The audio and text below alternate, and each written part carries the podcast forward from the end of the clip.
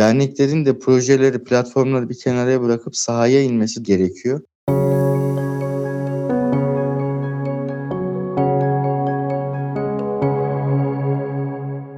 Kahramanmaraş'ta 6 Şubat'ta meydana gelen iki depremde 45 binden fazla kişi öldü.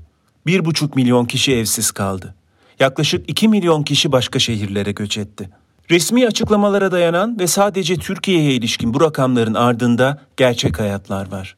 Celal Karadoğan Türkiye'de yaşayan yaklaşık 5 milyon engelli kişiden biri. Tekerlekli sandalye kullanıyor. Celal depremleri Adana'da yaşadı. Ondan hem kendi deneyimlerini hem de gözlemlediği engelli kişilerin depremde neler yaşadığını, hislerini, ihtiyaçlarını, düşüncelerini dinledik. Merhaba Celal. Nasılsın? Nasıl hissediyorsun? Yani aslına bakarsan biraz yorgun, biraz da o yaşadığımız iki depremin maalesef biz iki depremi de evde atlattık ailemle birlikte ben. Bu iki depremin hani şeyini, şokunu atlatmaya yeni yeni başladık. Biraz zor oluyor bu süreç. Adana'da depremi nasıl yaşadınız? Yani pazar akşamı işte eşim ve oğlumla birlikte güzel bir akşam geçirdik. Oğlan ertesi sabah işte okula gidecekti ve işte güzel bir akşam geçirdik. Uyuduk. Korkunç bir sarsıntıyla uyandık. Önce ben uyandım, eşimi uyandırdım. O sırada oğlumuz uyandı. Yani şöyle bir şansımız var. Pandemi döneminde evde birkaç kez can sıkıntısından deprem tatbikatı yapmıştık. O biraz işimize yaradı, sakin kalmamızı sağladı. Ama bizim şöyle bir eksikliğimiz var. Biz o tatbikatlardan sonra gerçek deprem olmadığı için normal hayatımıza dönüyorduk. Yani orada biraz açıkçası ailem ve benim açımdan hem duygusal hem çok zor bir kaç saniye yaşandı. Çünkü ben on, oğluma ve eşime aşağı indi. Ben sandalyeme geçip inerim diyordum. Onlar da beni sandalyeye bindirmek için uğraşıyordu. Bir 10 saniyemiz vardır böyle çok acayip hiç unutmayacağım bir 10 saniyemiz. Sonra aşağı indik. Çok şiddetliydi yağmur. Yani inanılmaz bir şeydi gerçekten. Bir korku filmi gibiydi insanların ve üstelik bize yakın bölgede bizim spor kulübümüzle evin olduğu arada 16 bina yıkıldı Adana'da. Biz de henüz daha bugün e, çıkabildik eve.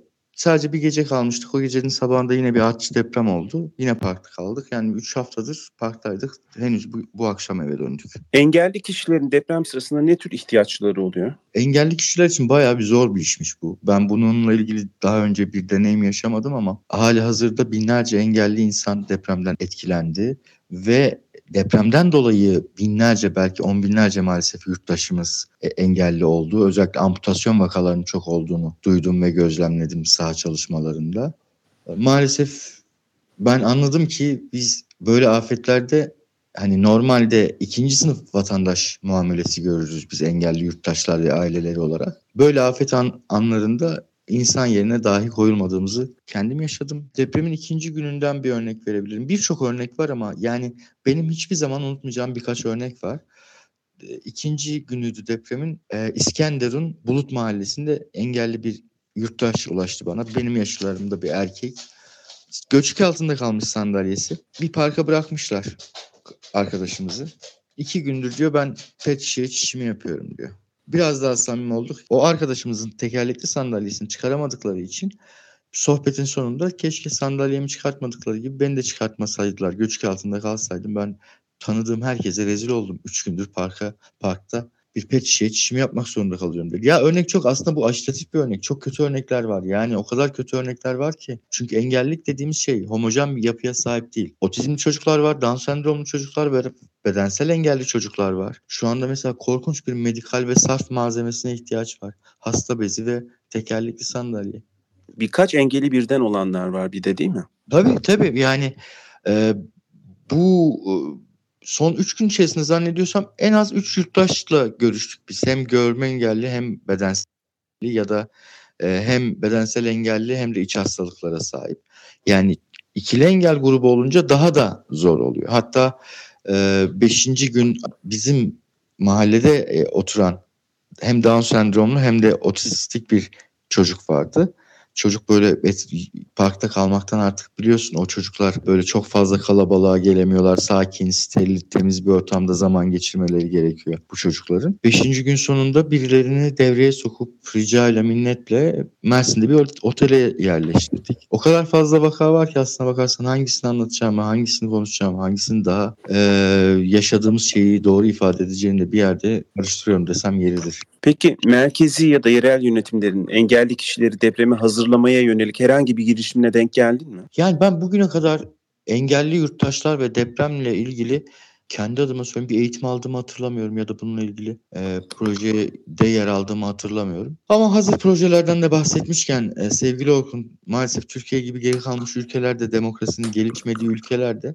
iktidarla sivil toplum arasındaki o keskinlik biraz daha e, belirginleşiyor böyle zamanlarda. E, depremzede engellerle hiç alakası olmayan insanların aniden birdenbire hiç tanımadıkları, hiç telefonlarını bile bilmedikleri, gitmedikleri bile yani Ankara'dan, İstanbul'dan hiç ulaşmadıkları insanlar için platformlar kurdular. Yani öyle bir şey ki neresinden tutsanız elinde kalıyor. Devlet engelli yurttaşını böyle durumlarda birinci öncelik olarak hani yangında ilk kurtarılacaklar engelli yurttaşlar olmalıydı. Bizi kurtarmadılar. Türkçesi bu. Hala da binlerce engelli şu anda bazısı çadır bekliyor, bazısı bez bekliyor, bazısı ilgi bekliyor. Birilerinin gelip bir şeyler sormasını bekliyor ona ne istersin diye. Depremden önce resmi kurumların değil ama sivil toplum kuruluşlarının bu tür girişimleri oldu mu? Engellileri depreme hazırlamak için. Açıkçası e, diyorum ya hani sivil toplumun da Türkiye'de yapısı hak temelli değildir. E, maalesef engelli sivil toplumunun. Hak temelli olmayınca bir iş e, siz sadece yardımlar üzerine odaklanırsınız, projeler üzerine odaklanırsınız ve hakkınız olanı almazsınız. E, dolayısıyla hani Türkiye'de e, sivil toplum yapısı söylediğim o keskinlikten bahsettiğim o keskinlikten dolayı hani hak temelli çalışanlar da aslına bakarsan hiçbir şekilde ayranını döktürmüyor Türkçesi. Dolayısıyla böyle işlere ulaşamıyoruz biz yani. Biz Türkiye'de eğitim alamıyoruz ki yani örgün eğitim alamıyoruz ki şey alalım depreme yönelik eğitim alalım. Yani deprem oldu diyorum ya Aile Sosyal Politikalar Bakanlığı'nın elinde veriler yok mu? Var kardeşim. Hangi engel, nerede, neye ihtiyacı var? Hangi engel grubunda biliyor. Bal gibi biliyor. Hemen sahaya çıksalar da 3 hafta yarın çıksınlar. Ne olur çıksınlar. Şu anda Sağlık Bakanı'nın, Aile Sosyal Politikalar Bakanı'nın acilen engelli yurttaşlara yönelik bir çalışma, engelli yurttaşlar özelinde bir çalışma yürütmesi gerekiyor. Bu ne sivil toplumun ne gönüllerin baş edebileceği bir mevzu değil maalesef. Binlerce çocuktan bahsediyoruz. Eğitimde Görme Engelliler Derneği Başkanı Emre Taşkın, kamu kurumlarının depremden önce bazı illerde yaptığı ilk yardım eğitimlerine engellileri dahil etmediğini söylemiş. Sen bu konuda böyle sistematik bir ihmal gözlemledin mi? Sistematik bir ihmal gözlemlemedim bu konudan özel olarak ama şimdi zaten biz bu memlekette hiçbir zaman tekrar söylüyorum insan yerine konmamıştık. İkinci sınıf vatandaş muamelesi görmüştük. Böyle afetlerde hiç insan dahi olmadığımızı fark ettik. Yani Türkiye'deki eğitim rakamlarına bakın lütfen. Türkiye'deki engelli yurttaşların sosyal yaşama, gerçek bir sosyal yaşamdan bahsediyorum yalnız. Öyle engelleri pikniğe götürmek falan filan değil. Aşık olmaktan, evlenmekten, sevişmekten, içki içmekten ya da namaz kılmaktan, mütedeyyin bir insan olmaktan. Yani engelliler bugün Türkiye'de maalesef eğitim e, meselesinde zaten o kadar geride ki bizim hiçbir hakkımız yani eğitim hakkı diğer insan haklarından ayıran özelliği şudur. Eğitim hakkını alamayan insanın diğer insan haklarına da ulaşması zorlaşır. E, Türkiye'de e, örgün eğitim rakamlarını açıp bakalım 10 binde 35'te en son üniversiteye gitme oranı. Dolayısıyla çalışır hale gelemiyorlar, üretir hale gelemiyorlar. Ya sosyal yardım alıyor engeller bu ülkede ya da devlet memuru olmak için hayatı boyunca uğraşıyor ki e, ilkokul ve ortaokul mezunlarına bu belki de hiç kimsenin haberinin olmadığı bir şeydir. Türkiye'de ilkokul ve ortaokul mezunu engelli yurttaşlar kura çekimiyle devlet memuru oluyor. Yıllardır böyledir bu mesele. Bugün senin ve çevrendeki engelli kişilerin nelere ihtiyacı var deprem bölgesinde? Özellikle sokakta kalanları kastediyorum. Şimdi her şeyden önce e, konuyu birkaç başlıkla ele almak gerekiyor. Bir defa tespit et, yapmamız gerekiyor. Kamunun hangi engeller il dışına çıktı, hangi engeller depremin yaşandığı illerde kaldı buna dair bir tespit gerçekleştirmesi gerekiyor. Kamunun yani Sağlık Bakanlığı'nın bölgede kalan bütün engelli yurttaşları sağlık taramasından geçirmesi gerekiyor. Özellikle engelli çocuğu olan anneler için otizmli, Down sendromlu çocuğu olan anneler için ama bütün engelli grupların annelerinin tamamı için söylüyorum. Bir psikolojik desteğe ihtiyacı var bu insanların. Yani insanlar ayrı ayrı travmalar yaşıyorlar. Yani hem depremin yıkıcılığı, yakınlarını kaybetme ve şu an engelli çocuklarıyla çadırdan dolayı bir yere sığındığı için kendini kötü hisseden anneler. Şöyle şeyler var. Belki şundan bahsetmek iyi olabilir. İyi bir örnek olabilir.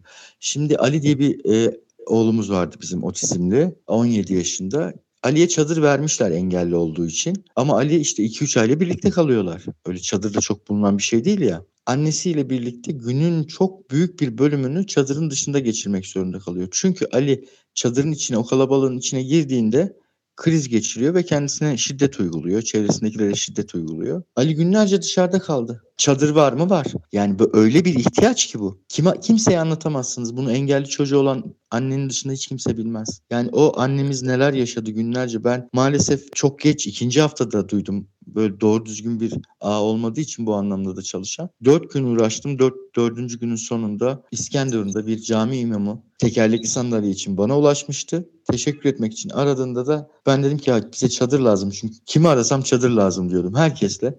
Sağ olsun e, İmam Bey çadırı gönderdi.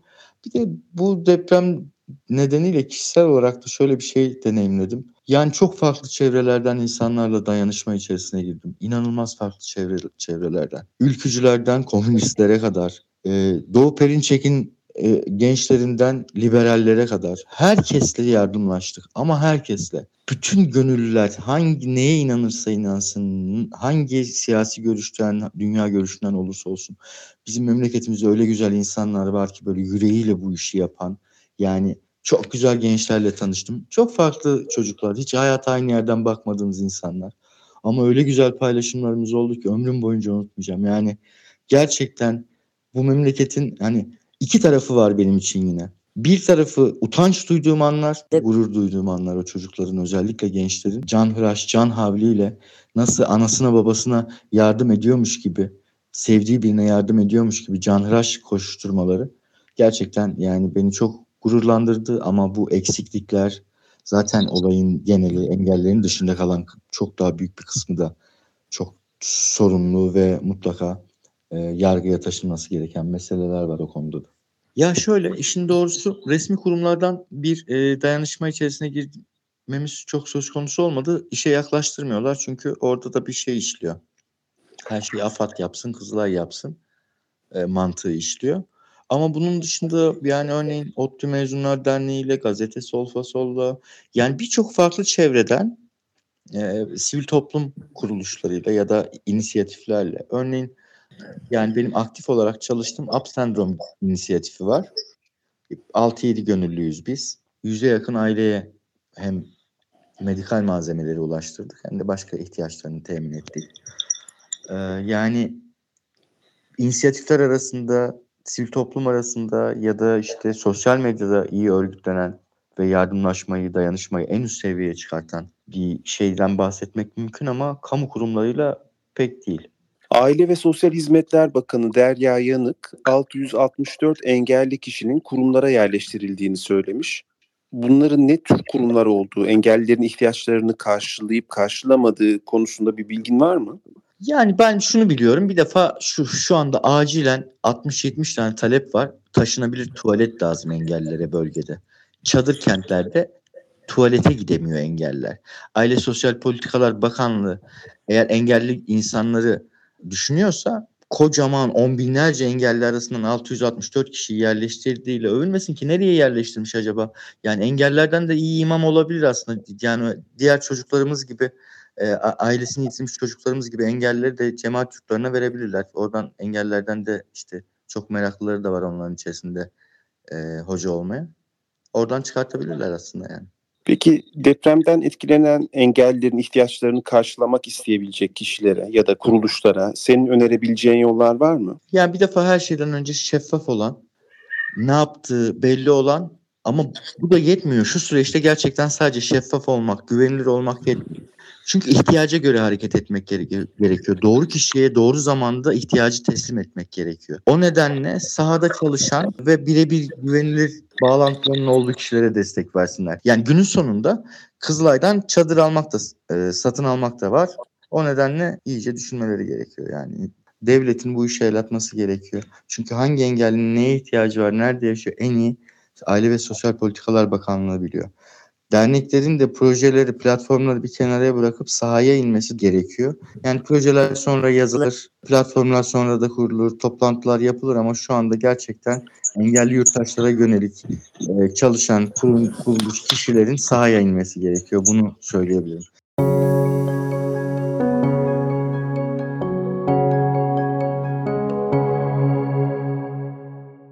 Fırat Keser özel eğitim öğretmeni. Bu alanda doktora yapıyor. Deprem bölgesindeki engelli bireylerin koşullarını, onlara nasıl destek olunabileceğini anlattı. Deprem olduktan hemen sonra engellilerin eğitimi nasıl devam etmeli? E, bir kere kalabalık ortamlarda çok tedirgin oluyorlar. Çok e, beklemediğimiz problem davranış olarak nitelendirilen davranışları görebiliyorlar. Bununla birlikte kendilerini e, güvensiz bir ortamdaymış gibi hissetmeye başlıyorlar. O nedenle e, birinci olarak daha sessiz, onlar için daha güvenli olabilecek eğer yakınlarını kaybettilerse en azından bu süreçte daha tanıdık yüz olan öğretmenleri olabilir, komşuları olabilir. Onlarla birlikte en azından temas kurulabilecekleri sessiz, daha izole ortamlara e, alınmasında e, fayda vardır. Bu engel gruplarının içerisinde yani bazen e, zihinsel engellerde de bu durumu görebiliyoruz aslında. Bir nesneye, bir ortama, bir manzaraya e, bir rutin geliştirebiliyorlar. Özellikle otistik bireyler e, bunu çok daha üst düzeyde gerçekleşiyorlar. Şimdi yıkımla birlikte bunlar da aslında yıkılıyor. Yani sadece bina yıkılmıyor. Bu bireylerin o eski rutinlerine erişiminde de bir e, sorun yaşıyor. Aslında bizim temel anlamda yaşadığımız sorun burası. Örneğin bir battaniyeyle bağ geliştirilmiştir. O battaniye olmadan hiçbir şekilde uyuyamıyor. O nedenle kısa sürede eğer aynı şeye ulaşılabiliyorsa aynı şeyi alıp temin edip e, güvenli bölge olarak işte bu çadırdır, konteynerdir onların bundan sonraki süreçte bir süreliğine e, yaşayabilecekleri alanlarda daha öncesinde rutin geliştikleri nesnelerin oraya aktarılmasında fayda vardır. Veya şöyle bir şey olabiliyor. Taşınma durumunda o rutin geliştikleri, bağ kurdukları nesne olabilir, ses olabilir, ışık olabilir, bahsettiğim bir manzara olabilir. Oradan uzaklaştırdığınızda ciddi krizler e, meydana gelebiliyor. Bunu yine varsa yakınları yoksa tanıyan birilerinden bilgi alarak benzer ortamlar oluşturabilir veya ona benzer bir görüntü izletebilir. Örneğin e, bir ayıcıkla bağ vardır. O ayıcığın daha öncesinde bir fotoğrafı varsa, bu konuda bilgi sahibi olan birisi e, varsa aynı ayıcığın fotoğrafını veya temin edebiliyorsa hemen o oyuncağın yani bağ, neyle artık bağ geliştirdiyse onu temin edilip önce bir sakinlemeleri sağlamamız gerekiyor. Zihinsel engelli kişilerin haftalarca eğitimden uzak kalmasının uzun dönemde ne tür etkileri oluyor? Zihinsel engelli bireyler bizim onlara verdiğimiz bilgiyi kısa süreli belekten uzun süreli beleğe aktarmada e, ciddi zorlanıyorlar. O nedenle rutin bir şekilde mesela diyelim ki tırnak içerisinde söylüyorum normal eğitim süreçlerinde bağımsız olarak özel gereksinimli bireylerin, zihinsel engelleri, otizmlerin destek eğitimi yazın devam ediyor. Niye? Çünkü özel eğitimde temel ilke süreklilik esastır. Bu sürekliliği esas aldığımızda ancak biz e, bu bilgiyi uzun vadede oturtabiliyoruz. Uzun vadede e, çocuklara bilgi ve, ve becerileri kazandırabiliyoruz, kavramları kazandırabiliyoruz. O nedenle sürekliliğin esas alması gerekiyor. Hemen sonrasında çocukların kriz durumu kontrol altına sonra eğitimlerin başlanması gerekiyor. Ve özel eğitimde diğer eğitimlerden farklı olarak biz materyallerle çalışıyoruz. Yani sadece kağıt kalemle bir süreci yönetemiyoruz. O nedenle materyal desteğinin çok kısa sürede çok somut bir şekilde sağlanması gerekiyor. Bununla birlikte daha öncesinde kazandırdığımız bazı beceriler vardır. Örneğin tuvalet becerisini biz bir çocuğa kazandırdığımızda deprem korkusuyla bir daha altına kaçırabiliyor. O nedenle bu süreçte yani güvenli ortama geçene kadar tuvalet becerisi diyelim ki kazanılacaksa yine beze ihtiyacı olacaktır yoğun bir şekilde. Bu tür şeylerin, bu tür desteklerin çok kısa sürede temin edilmesi gerekiyor. Hem materyal anlamda hem e, kişisel bakım anlamında desteklerin sağlanması gerekiyor. Bu tür engelleri olan kişilerin yakınlarına nasıl destek olunabilir? Genel olarak bizim özel gereksinimli birey olarak tanımlanan çocukların aileleri de de ciddi sıkıntılar görebiliyoruz. Yani ya boşanmıştır ya sadece e, babaanneyle yaşıyor, anne olmayabiliyor, baba olmayabiliyor. O nedenle çevresindeki olan kişilerin de desteği ihtiyacı vardır. Özellikle psikososyal anlamda ebeveynlere veya ebeveyn yani anne baba değilse kim yani çocuk kiminle yaşıyorsa bunlara acil bir şekilde psikososyal desteğin sunulması gerekiyor. Yani deprem olmadan da aslında e, bu desteğin sağlandığı ailelerle daha sağlıklı iletişim kurduğumuzu görüyoruz. çocuğun engel durumuna göre ailelerin, ebeveynlerin kabul etme süreçleri yok. Şok, kabul etme, pazarlama evreleri var. Buna yönelik eğer sıkıntı yaşıyorsa bu anlamda bir desteğin sunulması gerekiyor. Ve böylece ilerleyen süreçte çocuğun nereye gelebileceği, neler yapabileceği konusunda eğitimlerin verilmesi gerekiyor. Özel eğitimde süreklilik esastır. Bu sürekliliği sadece biz okul ortamında vermeyebiliyoruz. Evde bu eğitimi sürdürebilmeleri için ebeveynlerin hangi yöntemle neyi öğrettiğimizi de bilmeleri gerekiyor bu psikososyal desteğin yanında. Benzer şekilde özel gereksiz bireylere sağlanan haklar vardır. Bu haklar konusunda da aslında ebeveynlerin bilinçlendirilmesi gerekiyor. Örneğin e, cihaz konusunda nasıl bir prosedür izlemesi gerekiyor veya bireyselleştirilmiş eğitim programı kapsamında, e, kapsamında nelerin baz alması, yol haritası nasıl olduğu konusunda bir takım bilgilerin ailelere verilmesi gerekiyor. Yasal hakların ne olduğunu yine ailelere verilmesi gerekiyor. Şu anda biz temelde iki bakanlıkla çalışıyoruz. Birincisi milli eğitim. Milli eğitim daha çok eğitim boyutuyla ilgileniyor çocukların. Bir de destek hizmetlerinin sağlanmasıyla alakalı Aile ve Sosyal Politikaların Politikalar Bakanlığı'nın aslında sorumluluğu vardır burada. Aileyi bilinçlendirme, aileyle ilgili toplum, yani sadece aile değil aslında diğer toplum bireylerinin de eğitilmesi konusunda yani tutumlar konusunda zaten öncesinde ciddi sorun yaşıyorduk. Bu süreçte birlikte diyelim ki ya biz tırnak içerisinde söylüyorum biz sağlama konteyner bulduk da mı şimdi size bulalım algısı yine hortlamaya başladı. O nedenle iki bakanlığın da sorumlulukları vardı. Hem destek hizmetlerinin sağlamasında hem eğitim konusunda. Ee, bir kurs açıldığında aile için bu da bir destek oluyor. Yani ailelerin özel gereksinimliği ebeveynler sosyal çevreleri olmayabiliyorlar. O nedenle okulun bir biriminde açılacak kurslar onlar için büyük bir şey ifade edebiliyor. Benzer şekilde yine deprem süreci için de olabilir. Hemen ortak alanda kullanabilecekleri ve ailelerin de meşgul olabilecekleri atölyelerin açılması yine destek e, hizmeti olabilir. Psikososyal e, destek hizmetleri bu konuda planlanabilir.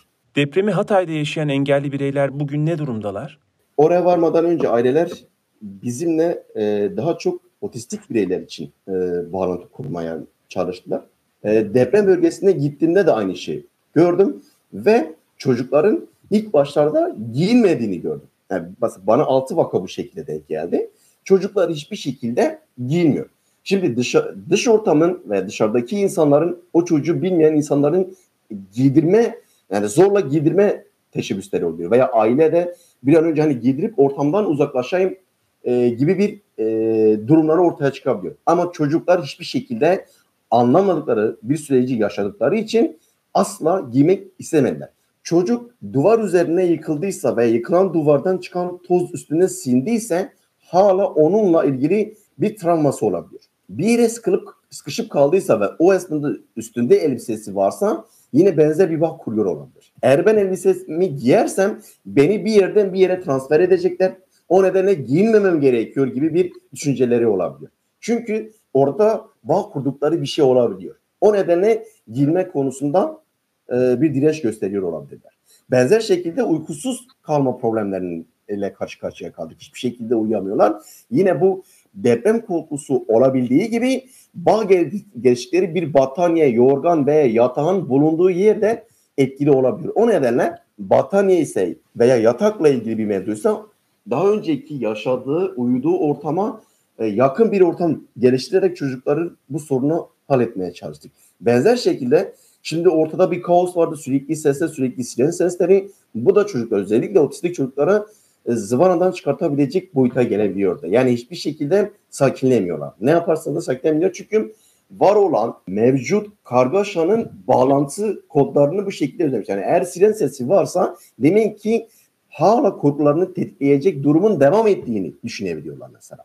O nedenle sakin bir ortama geçirdiğimiz yine yol alabildiğimiz çocuklar da oldu. Korkuyla alakalı bunu söyleyebilirim. Yoğun bir hasta bezine ihtiyaç olduklarını gördüm. İhtiyaçların en öncelikli olanları hangileri? İhtiyaçlar hiyerarşisi anlamında yani siz barınma sorunu halletmeden eğitim e, aşamasına geçemezsiniz. Barınma sorunu hallettikten sonra sürekli kullandıkları ilaçlar varsa önce bunların da sağlanması gerekiyor. Yani özel gereksinim bireyler daha önceki yaşamlarında kullandıkları bir takım ilaçlar olabiliyor. Ciddi anlamda cihazlarını, destek aletlerini binaların altında bırakıp kaçabilen veya bir şekilde kurtulabilen engelli bireyler olduğunu görüyoruz. Örneğin tekerlekli sandalyesi kalmıştır. Örneğin e, telefonu uygulama indirerek veya telefonun özelliklerini erişilebilir boyuta getirerek görme engellinin kullanabileceği telefonu enkaz altında bırakmıştır. Veya tablette bir şekilde çevreyle iletişim kurduğu uygulamalar vardır. Onlar deprem altında kalmıştır. Bunların bir an önce temin, temin edilmesi gerekiyor. Ondan sonraki süreçte eğitim ortamlarının çok acil bir şekilde düzenlenmesi gerekiyor. Eğitim ortamlarının düzenlenmesiyle birlikte bahsettiğim materyal anlamda donatılması gerekiyor. Bu materyallerle birlikte artık öğretmenlerin eğitime geçmesi gerekiyor. Şöyle bir şey olabilir, bu da çok önemli. Süreklilik bağlamında diyelim ki ben bir hafta gidip oradaki çocukla bağ kurdum. Çocuk bana güvendi. Ben bir hafta sonra oradan çıktığımda bu bağı tekrar e, kırmış oluyorum aslında. O nedenle eğer eğitmenler gönüllü bir şekilde veya milli eğitimin görevlenmesiyle bir hafta 10 gün şekilde gideceklerse ya bağ kurmasınlar ya da kuruyorlarsa yanlarında orada sürekli kalabilecekler insanlar üzerinde bu süreci inşa etmeleri gerekiyor. Çiğnemeye yetisi olmayan bireyler vardır. Oraya eğer e, gıda yardımı gidiyorsa, gıda desteği gidiyorsa bazı bireylere sıvı şekilde gitmesi gerekiyor. Bazı çocuklar yemek konusunda hassas olabiliyor. Yani siz oraya makarna gönderdiğinizde veya konserve gönderdiğinizde bazı çocuklar hiçbir şekilde bunu yiyemeyebiliyor. Çünkü takıntı geliştikleri alanlardan birisi de yeme üzerinden. Bu anlamda daha spesifik ihtiyaçların belirlenip ona göre destek e, sunulması gerekiyor.